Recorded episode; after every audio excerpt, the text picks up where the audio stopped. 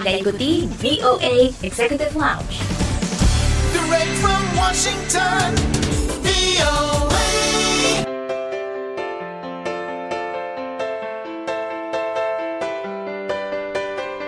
Halo apa kabar? Kembali bersama saya Dania Iman dalam VOA Executive Lounge dari VOA di Washington DC yang akan menghadirkan cerita menarik seputar warga Indonesia di mancanegara, juga beragam informasi dari dunia gaya hidup dan juga hiburan. Belum lama ini di Alaska, Amerika, ada sebuah konferensi polwan internasional di mana salah satu pesertanya berasal dari Indonesia. Dia adalah Isti Rahayu, Kepala Bagian Psikologi di Biro SDM Polda Lampung. Dan nanti kita akan mendengarkan cerita dari Isti seputar hal ini. Maka dari itu jangan ke mana-mana, tetap di VOA Executive Lounge.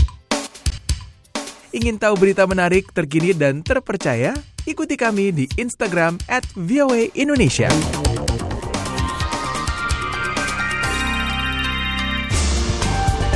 Dari Washington DC, inilah VOA Executive Lounge.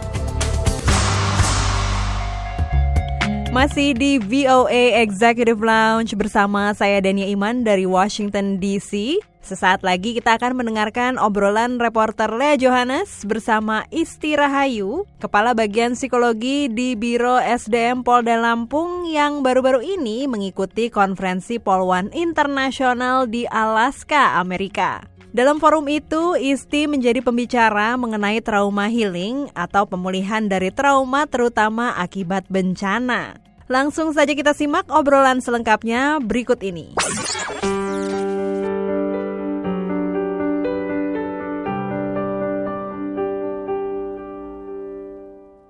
Ibu Isti sudah berapa lama Ya. bertugas dalam tim trauma healing? Saya sejak 2004 kejadian di Aceh itu hampir 15 tahun dan tergabung dalam tim psikologi di Jawa Tengah itu kurang lebih 15 tahun. Terkait dengan gempa bumi di Ambon, beberapa waktu lalu kita lihat warga sekitar yang berada di tempat pengungsian. Bagaimana pengalaman Ibu Isti dan tim trauma healing dalam menangani para pengungsi? Di, jadi kalau Mbak di foto eh, kami yang tidur melantai, itu memang salah satu upaya kami mengatasi kesulitan di lapangan. Kita harus survive sendiri karena teman-teman di lapangan itu kan juga dia harus langsung memberikan pelayanan kepada masyarakat. Selain itu juga dia harus menyelamatkan diri, harus merawat keluarganya dan lain-lain. Jadi kita datang itu dalam kondisi harus siap. Itu sambil kita mempersiapkan eh, tempat-tempat untuk pelayanan tersebut dan berjalannya waktu eh, sarana yang lain akan diikuti. Untuk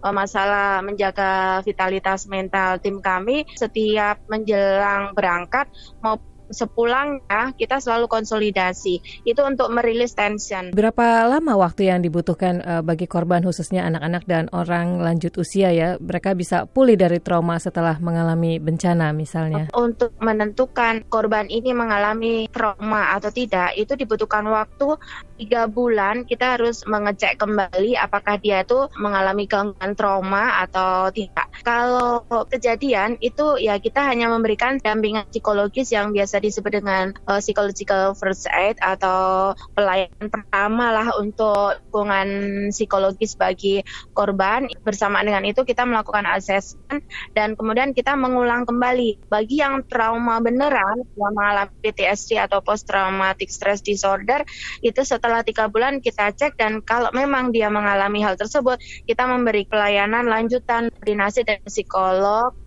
klinis dan para psikiater dan terapis yang memang terlatih untuk menangani trauma. Tantangan apa yang biasanya dihadapi di lapangan? Sumber daya manusia mencari orang-orang yang memang ben- benar-benar ada panggilan hati untuk terlibat menolong orang lain itu memang tidak mudah. Kita pilih eh, berdasarkan seleksi, Mbak. Jadi memang pakai psikotes dan tes kesehatan. Jadi memang secara fisik mereka cukup uh, kuat dan kemudian secara mental dicari poluan-poluan yang memang keinginan menolong orang lainnya tuh tinggi. Program apakah yang mungkin atau dapat diterapkan di Indonesia yang Ibu Isti dapat dari konferensi tahun ini? Saya tuh terinspirasi di Jepang. Jadi kita diskusi dengan teman kita yang dari Jepang, namanya Taka ya, Polwan Sersan, dan beliau menyampaikan bahwa di Jepang setiap person poli polis eh, di area disaster itu dia memiliki kemampuan untuk konseling. Jadi mereka sudah otomatis ketika mereka petrol atau patroli itu mereka itu udah langsung melakukan tugas untuk memberikan bagaimana pendampingan psikologis bagi korban. Tema konferensi Pol One International tahun ini adalah mentoring the next generation. Apa yang bisa diterapkan dalam hal ini? Untuk mentoring generasi selanjutnya adalah bagaimana anggota Polri itu membimbing anak dan remaja untuk mereka tidak terlibat dalam kriminalitas. Bagaimana mentoring mereka maupun eh, masyarakat untuk bisa menjadi generasi bangsa yang kuat. Polis kan bisa tuh terlibat di situ mungkin melalui bimasnya juga kalau sesama polisi mementoring hal-hal yang positif untuk mereka bisa meraih karir setinggi-tingginya dengan baik. Terima kasih sekali atas waktunya. Semoga sukses Ya, selalu ya. Ibu Isti.